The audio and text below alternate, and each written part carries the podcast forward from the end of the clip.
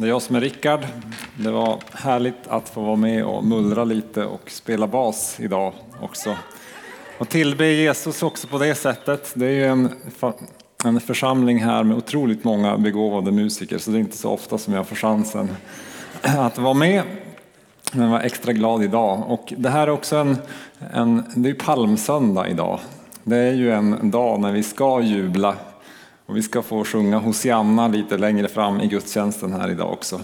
Och alltså, lovsång, musik är ju något som på något vis uttrycker det här med Guds rike på ett så fantastiskt sätt. För att det är, alltså, Guds rike är inte bara något tråkigt eller något teoretiskt utan det är något som enligt Bibeln som vi ska se är här och som Jesus kommer med.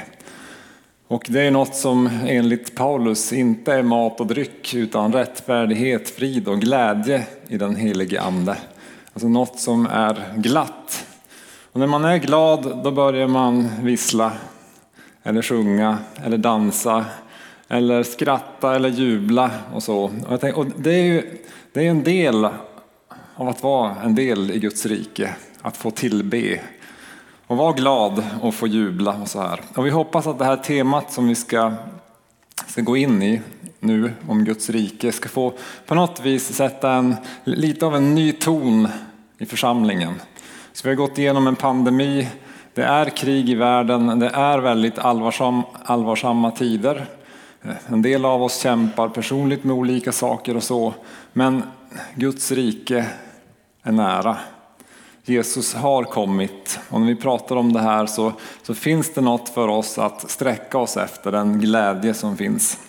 Och vi hoppas att det här temat ska kunna både ge en sund och solid förståelse av Guds rikes teologi. Att riket är här, men ännu inte i sin fullhet. Vi hoppas och ber om att vi alla ska få växa i tron på evangeliet och på, vad, ja, på evangeliets konsekvenser i våra liv.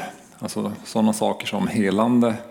Fantastiskt att höra om den här mannen som liksom hade fått, vad, vad var det, syn och hörsel tillbaka så han kunde prata. Det är ju ett mirakel, alltså, och det är ju något av Guds rike när det är som, som allra mest närvarande.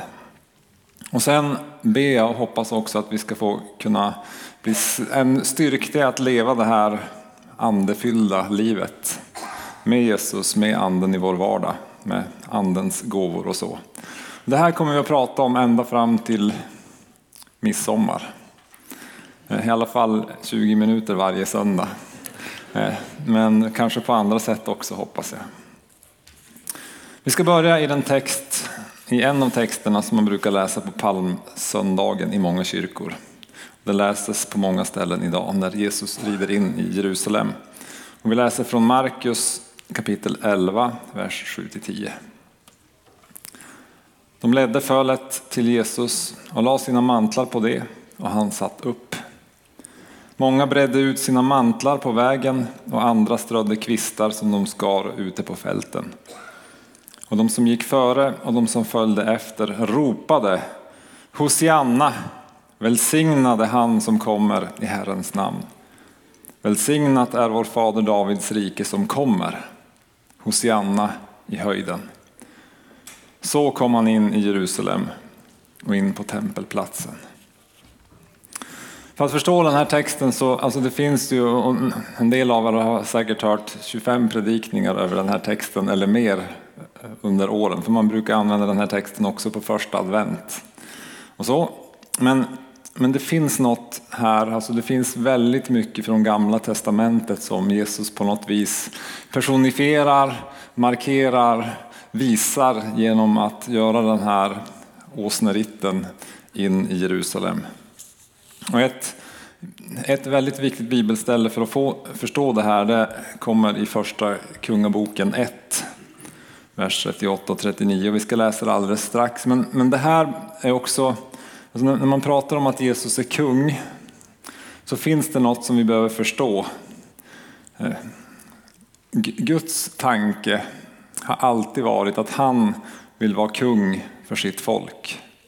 Att Gud ska strida striderna för sitt folk, att Gud ska leda människorna, att Gud ska vara den som tar hand om människorna.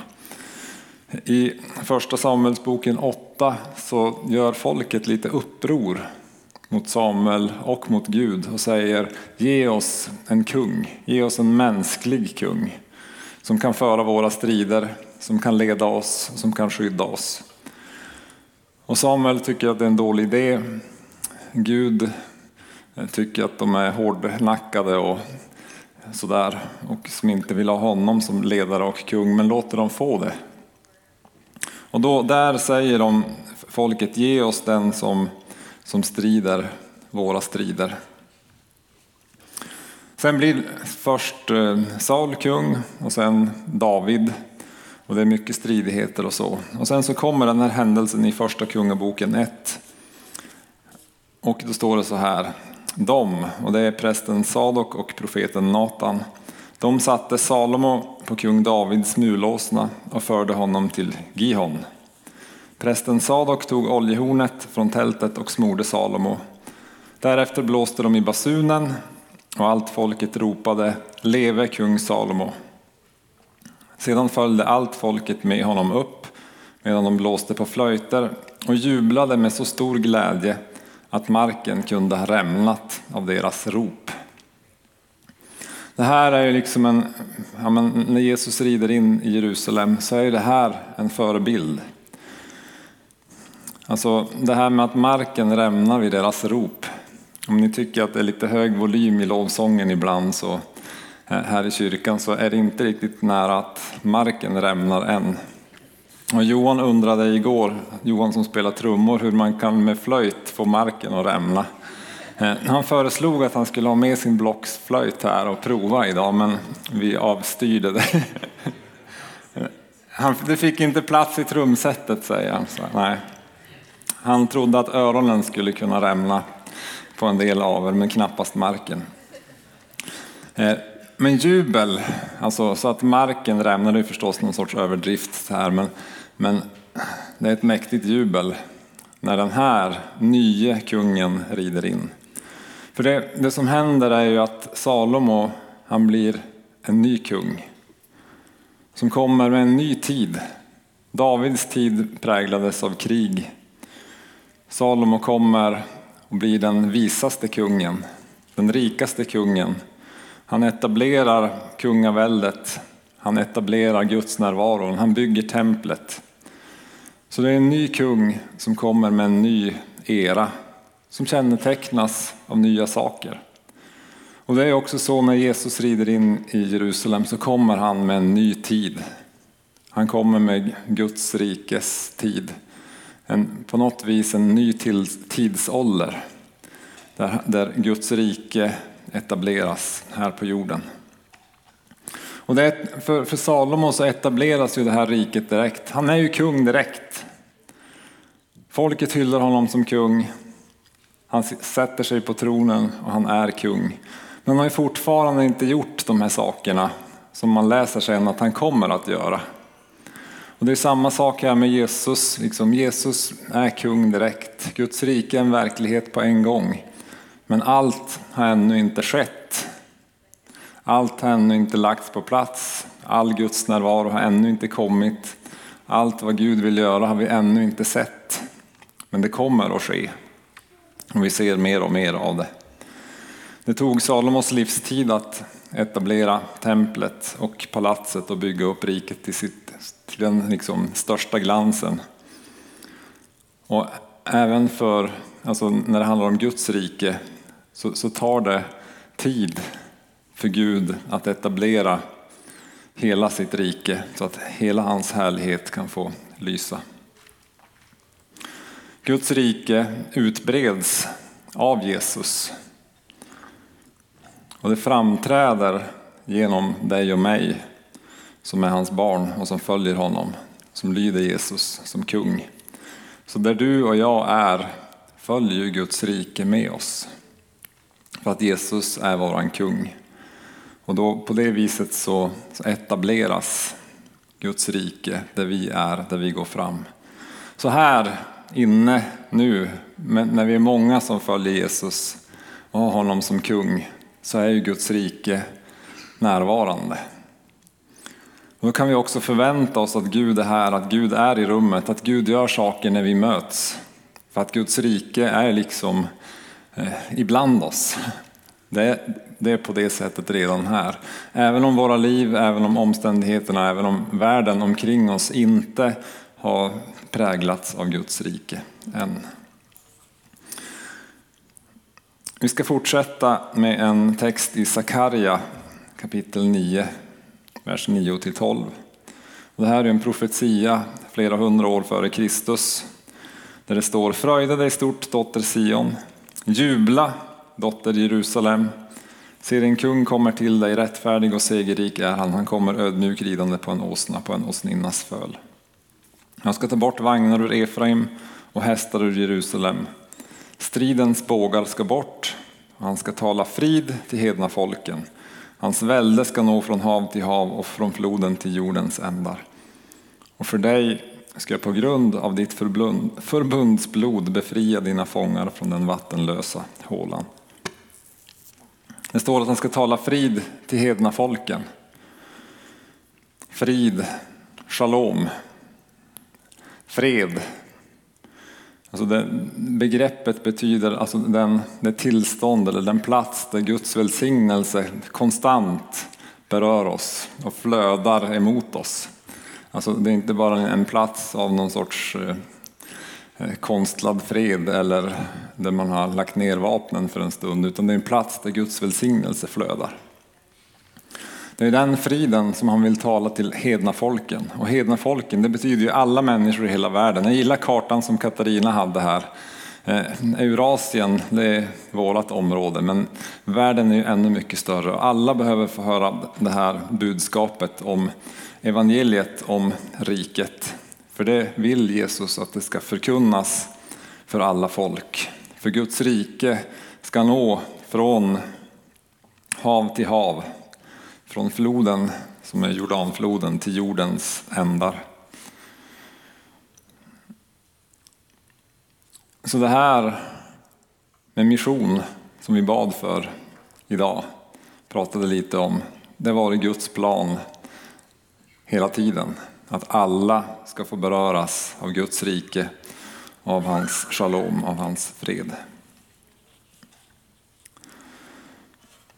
Hans välde räcker över hela världen. Det innebär att det är också här i Stockholm. Inte bara i Jerusalem eller i någon cool församling som vi tittar på på Youtube där de har världens häftigaste allt ni vet. Så, eller så sånt som vi ser upp till. Utan Guds rike är också här. Guds rike i, i vårt liv. Guds rike är där skattkistan är idag. Guds rike är när du möts hemma vid köksbordet, läser Bibeln och ber tillsammans med din kompis eller med din familj. Där är Guds rike. Och där kan Jesus också träda fram och använda dig och mig för att hans rike ska bredas ut. Och vi får be, låt ditt rike komma. Låt din vilja ske på jorden som den sker i himlen. Och så kan vi få se hur Guds frid, Guds shalom, Guds närvaro får beröra våra liv och vår plats och det område där vi är. Eh, Johannes skriver i första Johannes brev att hela världen är i den ondes våld. Det här innebär också att det finns liksom ett motstånd mot Guds rike. Jesus har vunnit seger, men det finns makter som fortfarande håller emot. Och när vi kommer med Guds rike så är Jesus kung. Och det är att Jesus är kung som är Guds svar på ondskan. Det är att du och jag sänds med Jesus som kung ut i den här världen som är Guds svar på ondskan. Eh, det är lite så här eh, mindblowing och lite eh, jobb, jobbig tanke. Så här. Att jag är Guds svar på ondskan i världen.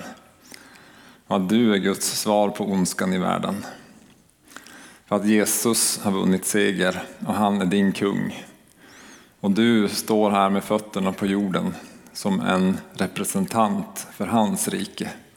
Och det är det vi är som församling. Det är tur att vi inte är ensamma utan vi får vara en del av en församling, vi får vara en del av en världsvid rörelse som tror på Jesus som kung. Och han han sänder, sänder oss inte med våld utan med frid. Jesus säger att, att han sänder oss som, som får bland vargar. Eh, det är ju en speciell uppgift. Skicka ut en fårskock mitt i en vargflock och tänka att det här ska förändra världen. Så. Men det är ju inte för att fåren är de modigaste och tuffaste utan för att de har en, en kung och kommer med någonting av fred, frihet, shalom som kungen representerar. Tänk Daniel i lejongropen och andra sådana saker så, så får du liksom rätt bild av vad det innebär. Det handlar inte om dig och mig utan det handlar om att Jesus som kung rider med oss. Och det kan vi jubla över och vara glada över. Och det här innebär att han sänder oss för att återta den här världen med sitt rike, bit för bit, människa för människa, steg för steg. Och det är en del. Det, det är det vi är en del av. Guds rike är också goda nyheter. Jesus säger att han har kommit för att förkunna budskapet om riket. När vi pratat om fred, shalom eller frid, det är ju goda nyheter. Alltså det skulle vara fantastiskt goda nyheter om vi fick läsa i eftermiddag när vi kom hem på, på någon app att nu är det fred i världen. Nu är det fred i Ukraina, nu är det fred i alla länder i Afrika. Tänk vilken nyhet va? Fred, frid är goda nyheter. Och Jesus som fredsförste, som fridsförste, är goda nyheter. Förlåtelse är också goda nyheter. Att få bli förlåten för sin synd, för det man har gjort fel. Evigt liv är goda nyheter. Det är också en del av, av evangeliet. Men i den, i den här texten i Sakarja så finns det liksom en vers som är som är väldigt, eh, ska man säga, eh, målande. Om ni noterar sista versen vi läste där, där Sakarja skriver Och för dig ska jag på grund av ditt förbundsblod befria dina fångar från den vattenlösa hålan. En del av att Jesus är kung är också att han kommer som befriare.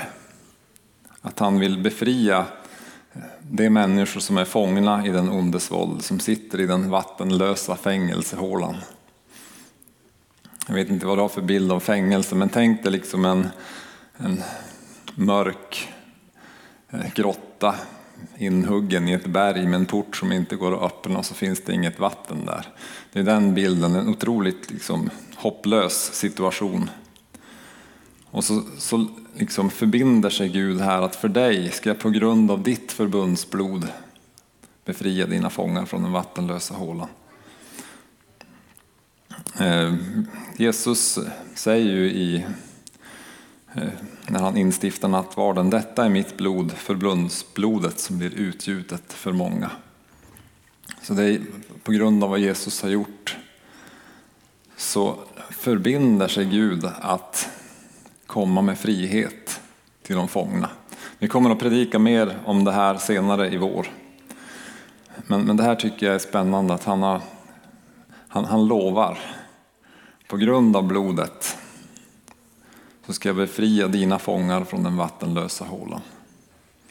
Det här ger ju hopp till oss. Alltså, eh, jag har varit med om situationer där Jesus har brutit bojor och befriat människor.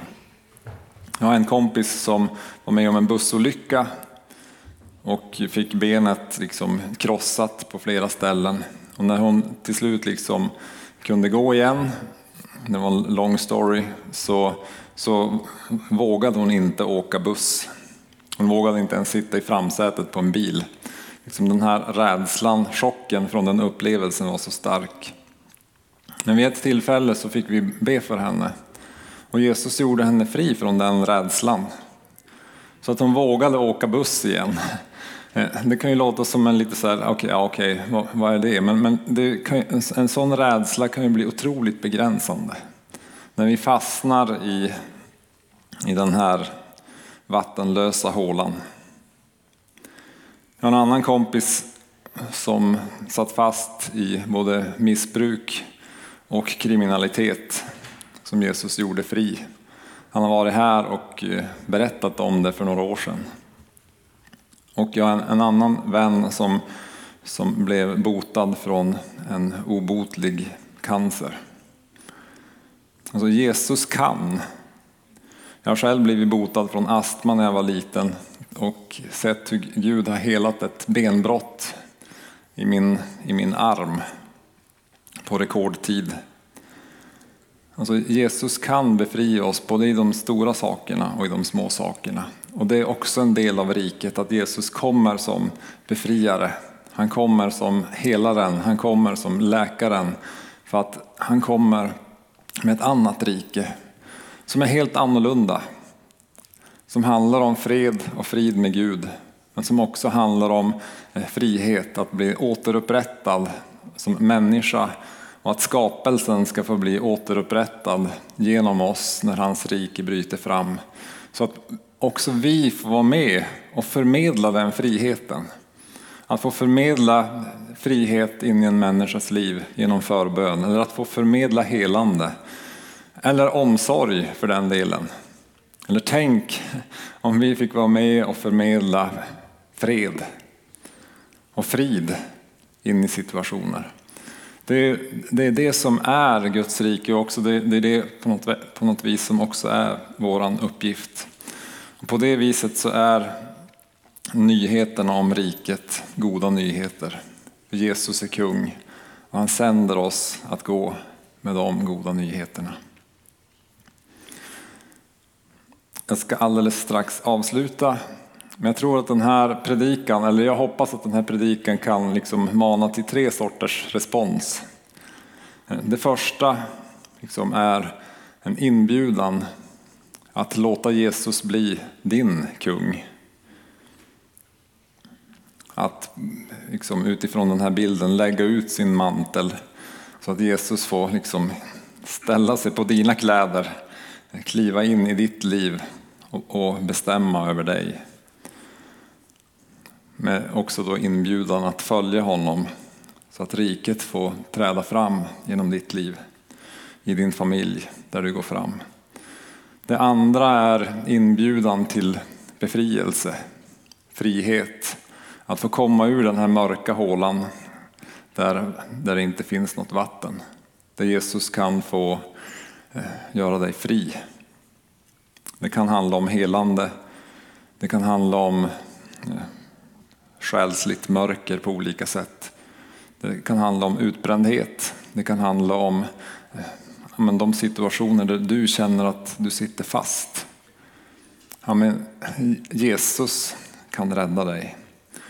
För dagens bön är också Hosianna, Herre fräls oss.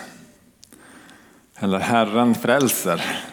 Herren räddar, för det är en trosfylld bön. Det är liksom inte Herre fräls oss är du snäll, utan det är jublande från knäna så att det dundrar i marken. Herre fräls! För att vi tror på det.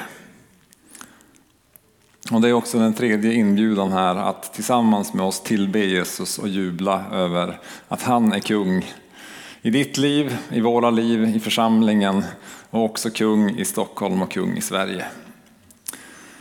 Hosianna. Amen.